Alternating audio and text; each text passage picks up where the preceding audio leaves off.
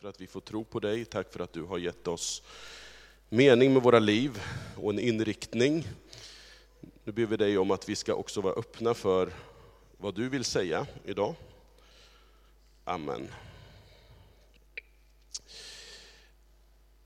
Under ett antal söndagar här nu så påminner vi oss om den visionsformulering som vi har för vår lokala församling här i Norrköping, Korskyrkan.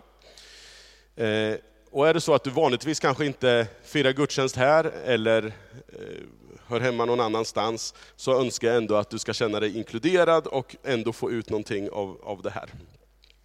Vi vill vara en levande, växande Kristusgemenskap, är den visionsformulering som vi har.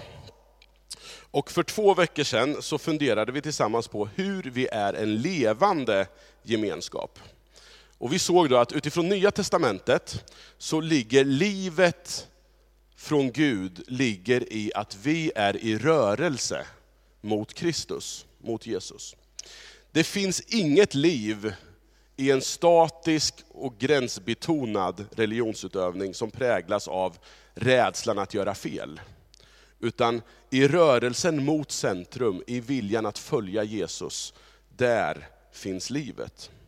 Vi konstaterade också att livet med Jesus, och livet från Jesus, förutsätter gemenskap med varandra. Varandra är förutsättningen för att också ha gemenskap och vara nära Jesus. Och idag är tanken att vi ska fundera på nästa ord i den här formuleringen, växande. Och de här två orden, levande och växande, de hänger ju väldigt intimt samman. För att någonting ska växa, så krävs det ju att det lever. Det som är dött kan inte växa. I Bibeln, eh, och inte minst i Apostlagärningarna som beskriver den första församlingens aktivitet och expansion, ser vi hur det här med växt verkar vara fullständigt normalt, alltså att man blir fler. I de församlingar som grundas runt om i romarriket så ser vi det här. Där det här ordet om Jesus predikas så väcks det en reaktion. Reaktionen kan vara antingen positiv, människor bara wow, jag vill haka på, eller så tycker man att det här är förskräckligt och så blir man väldigt fientligt sinnad till det här. Men det som kännetecknar den här första församlingen, det är att det växer. Men det finns också ett annat perspektiv på växt i Nya Testamentet, som inte minst framkommer i de brev som Paulus skriver där det finns ett växande i mognad och likhet med Jesus. Om det första handlar om en, en vidsträckt, vidsträckta grenar, så finns det också en växt som handlar om rötterna, djupa rötter. Vad kan det innebära att vara en levande, växande Kristusgemenskap? Jag vill ta med er till ett sammanhang i Bibeln och med det sammanhanget som utgångspunkt dela några tankar runt den frågan. Och sen mot slutet så vill jag dela något runt utmaningar och mål runt det här med växande som vi har formulerat i vår handlingsplan för de närmsta åren i församlingen. Vi ska gå till första Korintierbrevet. Korint, det var en huvudstad i en romersk provins som motsvaras av det vi känner som södra Grekland. Staden på den här tiden utmärkte sig för sin livliga handel, religiös mångfald, en pluralism i samhället där. Den präglades också av sexuell lössläppthet och den präglades av medborgarnas attraktion till filosofisk vishet. Man älskade vishet. Paulus kom till staden med evangeliet, grundade en församling som växte i antal, och så levde han där i ett och ett halvt år. Det kan vi läsa om i Apostlagärningarnas 18 kapitel. Men naturligtvis så präglas en församling, där och då i Korint och här och nu i Norrköping, så präglas vi av vår kultur. Och I det brev vi ska gå till så ser vi hur mycket av omgivningens sätt att tänka och leva också har kommit att prägla församlingen och församlingens syn på mycket. Inte minst det här med andlighet. Församlingen i Korint, de satte en ära i att vara andliga. Men den andlighet som man höll fram baserades på sånt som spektakulära tecken, imponerande retorik. Allt sånt som också var hippt i den omgivande kulturen. Och Det här ledde till partibildningar och splittring rörande vilka i den här församlingen som ägde den rätta andligheten. Samtidigt som det sågs mellan fingrarna på andra viktiga områden som hänger ihop med det nya livet i Kristus som de faktiskt hade blivit döpta in i. Inte minst ser vi i brevet att kärleken verkar ha varit en bristvara i Korint. Och Det här föranleder Paulus att skriva det här brevet, och nu ska vi gå in i ett avsnitt från kapitel 3. Och när vi kommer in i det här brevet så har Paulus just visat på skillnaden mellan Guds vishet, uppenbarad i Kristus, och den världsliga vishet som de är så imponerade av i den här församlingen. Och så återknyter han till sitt första besök, lyfter fram att det inte var han, alltså Paulus och hans imponerande retorik som fick dem att ansluta till tron, utan Gud själv med sin ande och sin kraft. Och så kommer vi till kapitel 3, vers 1 till 9.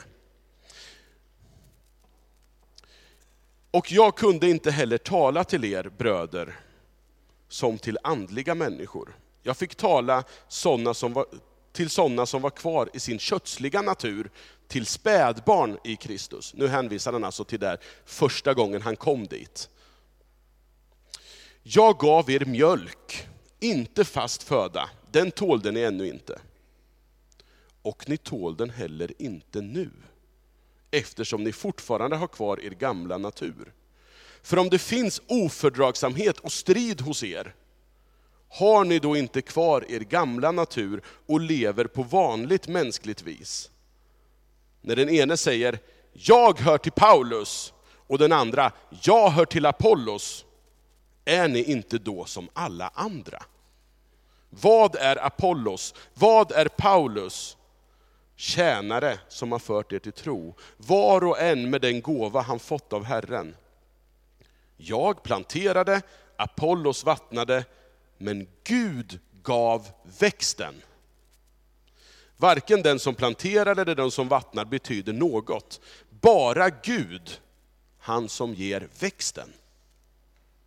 Den som planterar och den som vattnar är ett, men var och en ska få lön efter sitt arbete. Vi är ju Guds medhjälpare och ni är Guds åker, Guds bygge.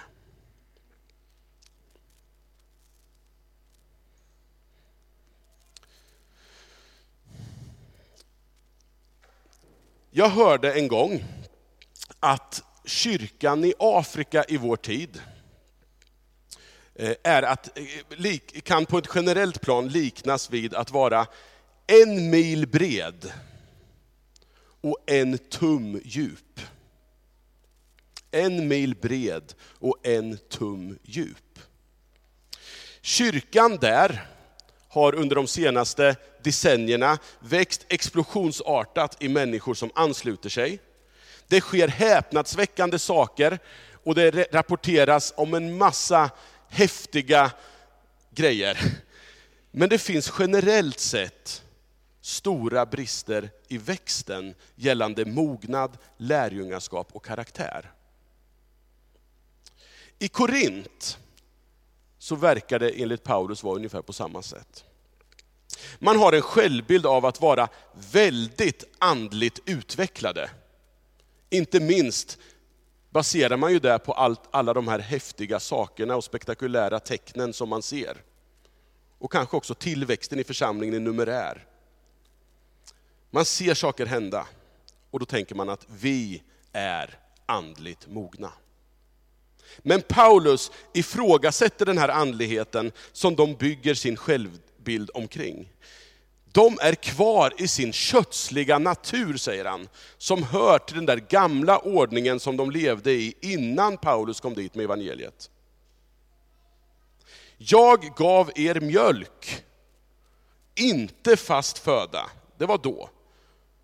Och ni tål den heller inte nu, eftersom ni fortfarande har kvar er gamla natur. Det känns som att Paulus bullrar fram det här. Märta som vi såg här framme, hon är sex månader, hon har redan börjat äta gröt. De här har haft evangeliet i tre år och kan fortfarande inte äta gröt. De vill, behöver fortfarande mjölk. Man jämför sig med andra, försöker hålla fram sina egna meriter och andlighetspoäng. Allt det som tyder på att man inte har fattat någonting av vad Jesus har gjort och vem Jesus är. Samtidigt så är det ju uppenbart att någon form av växt har skett. Vilket, möj, vilket möjligen gjorde att de tro, trodde sig se ett samband. Om församlingen växer måste ju det betyda att vi är, ut, vi är rätt ute i våra metoder, vår teologi, vår andlighet. Och då måste ju det bero på då, någon av de här ledarna vi har haft som har hjälpt oss att, att förstå hur man ska få den här tillväxten. Den slutsatsen verkar inte långt borta, men, men Paulus han verkar inte ge så mycket för det sambandet. Och jag tror att vi i vår tid också behöver vara försiktiga när vi i allt för hög utsträckning, även i vår tid, stirrar oss blinda på sammanhang som växer och försöker tänka att vad gör de? Vad kan vi lära oss? Om vi gör si eller så, då kommer vi också få tillväxt. Ibland får jag intrycket av att vi tror att vi ska kunna administrera fram tillväxt genom olika program och ledarskapsmetoder. Men hur många sammanhang genom historien har inte hamnat helt snett, när man har frestats att koppla ihop tillväxt i en församling med sin egen andliga mognad och förträfflighet. Och inte minst kanske någon särskild pastors eller ledares andliga mognad. Exemplet från Korint visar att all tillväxt, av vilken typ den än är, är Guds och endast Guds verk av nåd. Här har man levt i en expansion utan att mognaden har kommit. Det är olika saker, men båda de här växtperspektiven är Guds verk.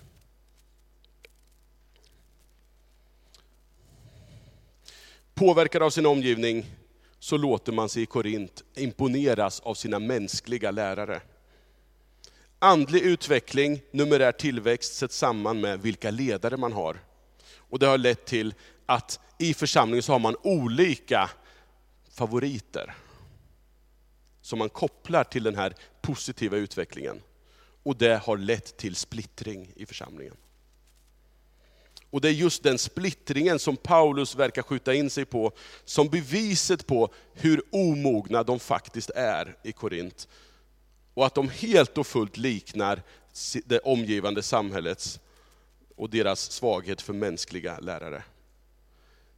När den ene säger, jag hör till Paulus, och den andra, jag hör till Apollos, är ni inte då som alla andra?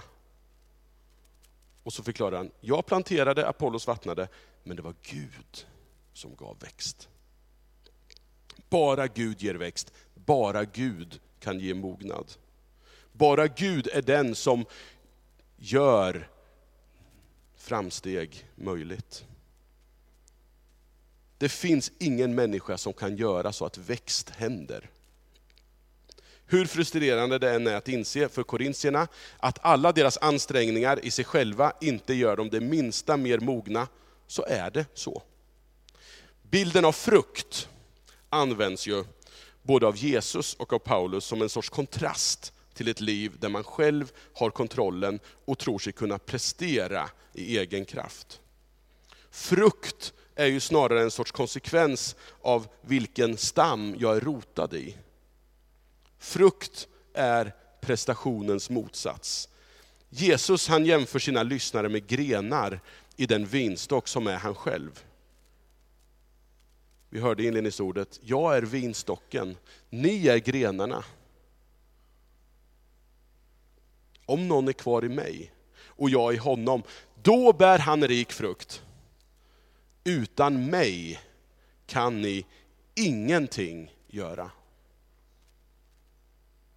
Paulus han kontrasterar ju i ett annat brev, i Galaterbrevet, ett religiöst ok av prestation med den frukt som kommer av livet i andens liv, med, i gemenskap med Gud.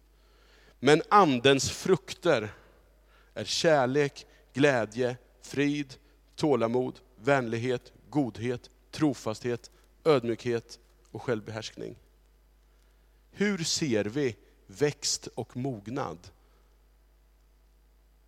Inte i första hand genom det häftiga och spektakulära, utan genom att vi ser de här kvaliteterna i en människas liv. Och det kan bara vara en frukt av vad Gud har gjort och vad Gud gör.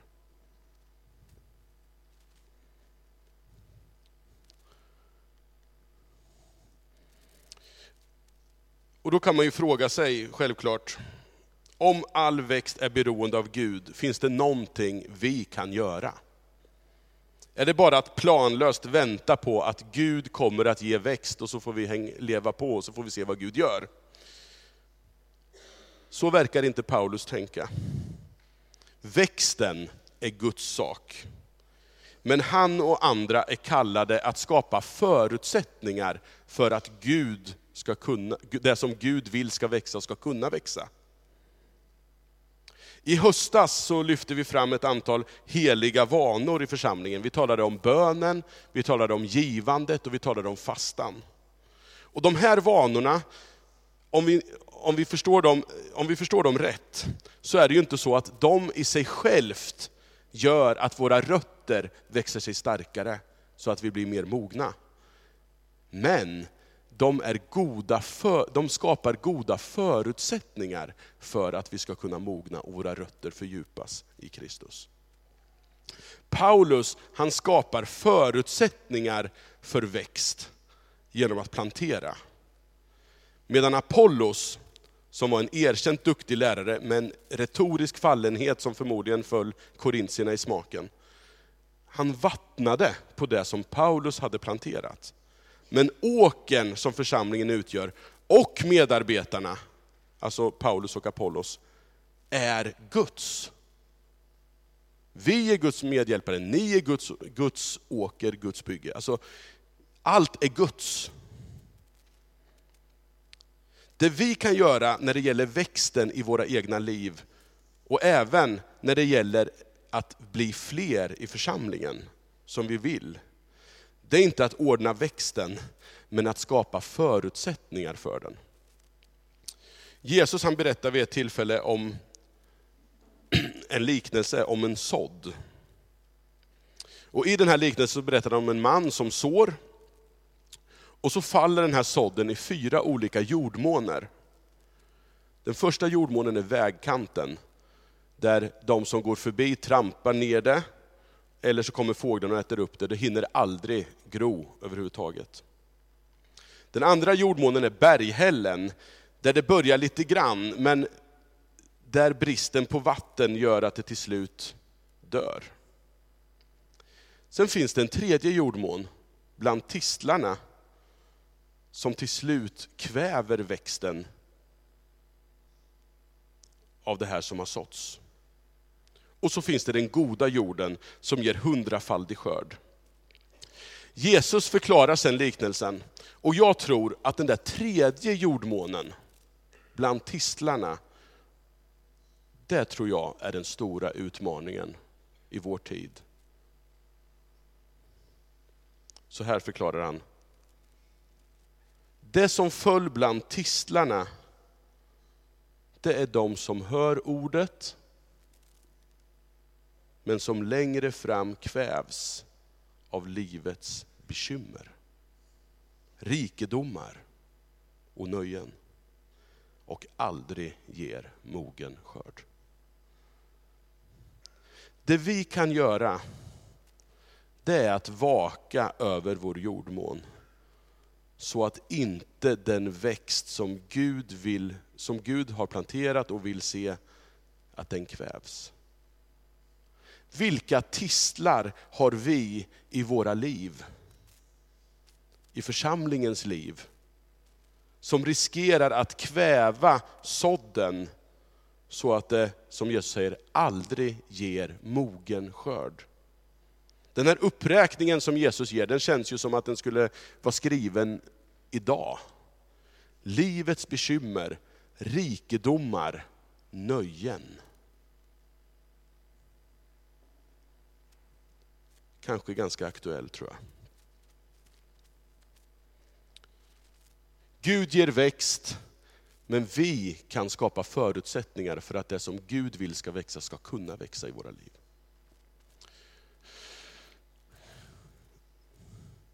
Vi i Korskyrkan vill ju vara, säger vi, en växande Kristusgemenskap. Och jag tror ju att den växten, för att det ska vara sunt och hållbart, behöver både ske i mognad, vi behöver ha djupare rötter, och i missionell iver att vinna flera, och att Guds rike får bli känt utanför oss själva. Både vidsträckta grenar och djupa rötter. I den handlingsplan som vi har antagit så, så har vi ju liksom rubricerat olika områden. Och då har vi en rubrik för levande och en rubrik för växande. Och här har vi fokuserat ganska mycket på det som är den kvantitativa tillväxten, alltså att bli fler. Vi kanske skulle titta på det, vi kanske skulle behöva ha med mer om hur vi fördjupar våra rötter. Men jag vill ändå citera den här handlingsplanen slutligen här. Eh, så här skriver vi, där vi sätter ord på vad vi utmanas av eh, när det gäller växande. Här ser vi att vår struktur, både vad gäller gemenskap och lokaler, har svårt att hantera mer växt i form av nya människor som bejakar Guds rike. Det är någonting som vi ser just nu är ett bekymmer. Vi är på någon sorts, i någon sorts kritisk punkt, där, där, vi, där vi kanske inte riktigt har strukturer för att se nya människor och dra in dem i gemenskapen. Och så har vi lokaler som kanske inte heller tillåter oss till det just nu. Eh, och till den här utmaningen har vi därför fogat ett antal mål. Att hitta en på sikt hållbar lösning rörande lokal som gynnar Guds rikes synlighet i Norrköping och funktionell för den verksamhet vi vill bedriva. Här har vi ju rört oss det senaste året. Eh, men jag tror att vi behöver påminnas om vilket perspektiv har vi på lokalfrågan.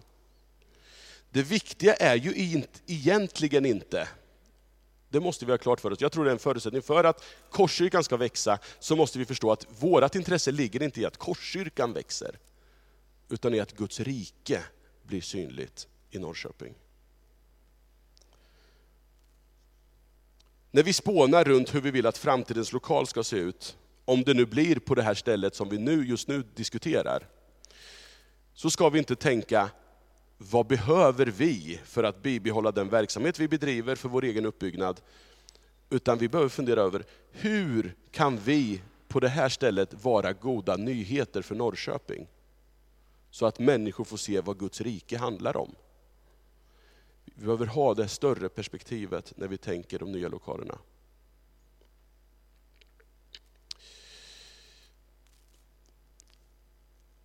Att ha en struktur avseende både gemenskap och lokaler som klarar en församling på 400 medlemmar. Att 2020 vara över 300 medlemmar. Det första där handlar om att möblera för tillväxt. Och det, andra, det är ju det som vi skulle kunna vi kan skapa förutsättningar för att om det skulle dyka upp 150 personer till, då ska vi kunna ta emot dem. Det andra är ett mål som inte vi, utifrån, utifrån det som sagts idag, råder över. Vi har ingen aning om om vi blir 300, oavsett hur vi möblerar. Men vi kan jobba för det, vi kan be för det. Och vi visar att vi vill växa. Vi behöver ha en mer medveten ordning som gör det lätt för nya människor att bli sedda, delaktiga och medvetandegjorda om vägen in i församlingens gemenskap och uppdrag. Sen har vi ett till, att starta nya missionella initiativ i Norrköping. Det här handlar ju om det här gudsrikesperspektivet. Och vi inser ju att vi inte riktigt kan nå alla skrymslen och vrår med vårt arbete. Då är det ju helt riktigt att sända människor som känner sig villiga att nå nya människor på nya sätt. Genom att generöst sända människor så, så kommer det välsigna församlingen. Det är så det verkar funka i Guds rike. Vi behöver identifiera och uppmuntra människor till sådana här initiativ. Och hur det ser ut finns inga mallar för.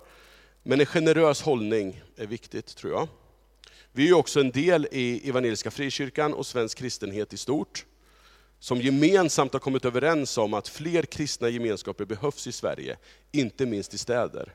Så om det finns människor i vår gemenskap som känner att jag skulle vilja starta ett nytt initiativ för att nå de här människorna, då är det någonting som är positivt och gott och som vi vill välsigna. Och sen hur formerna för det ser ut, det, det, det, det vet inte jag riktigt. Men det, det, det är en god tanke. Det ska vara tryggt och naturligt att kunna bjuda med vänner, grannar och släkt till församlingens samlingar och gudstjänster. För att vi ska växa som församling med nya människor, så är det ju viktigt med kulturen här. Bidrar vi till en kultur som vi också skulle kunna ta med vår granne till? En fråga som vi behöver leva med och tillägna oss i vårt sätt att vara och leva i församlingen, ständigt. Människor som annars inte har för vana att gå till kyrkan, tar vi med oss dem hit, eller hur ser det ut med det? Det är de mål och de, och de utmaningar vi ser nu inför de närmsta två åren här. Vi vill vara en levande, växande Kristusgemenskap. Djupa rötter, vidsträckta grenar är båda viktiga för växt.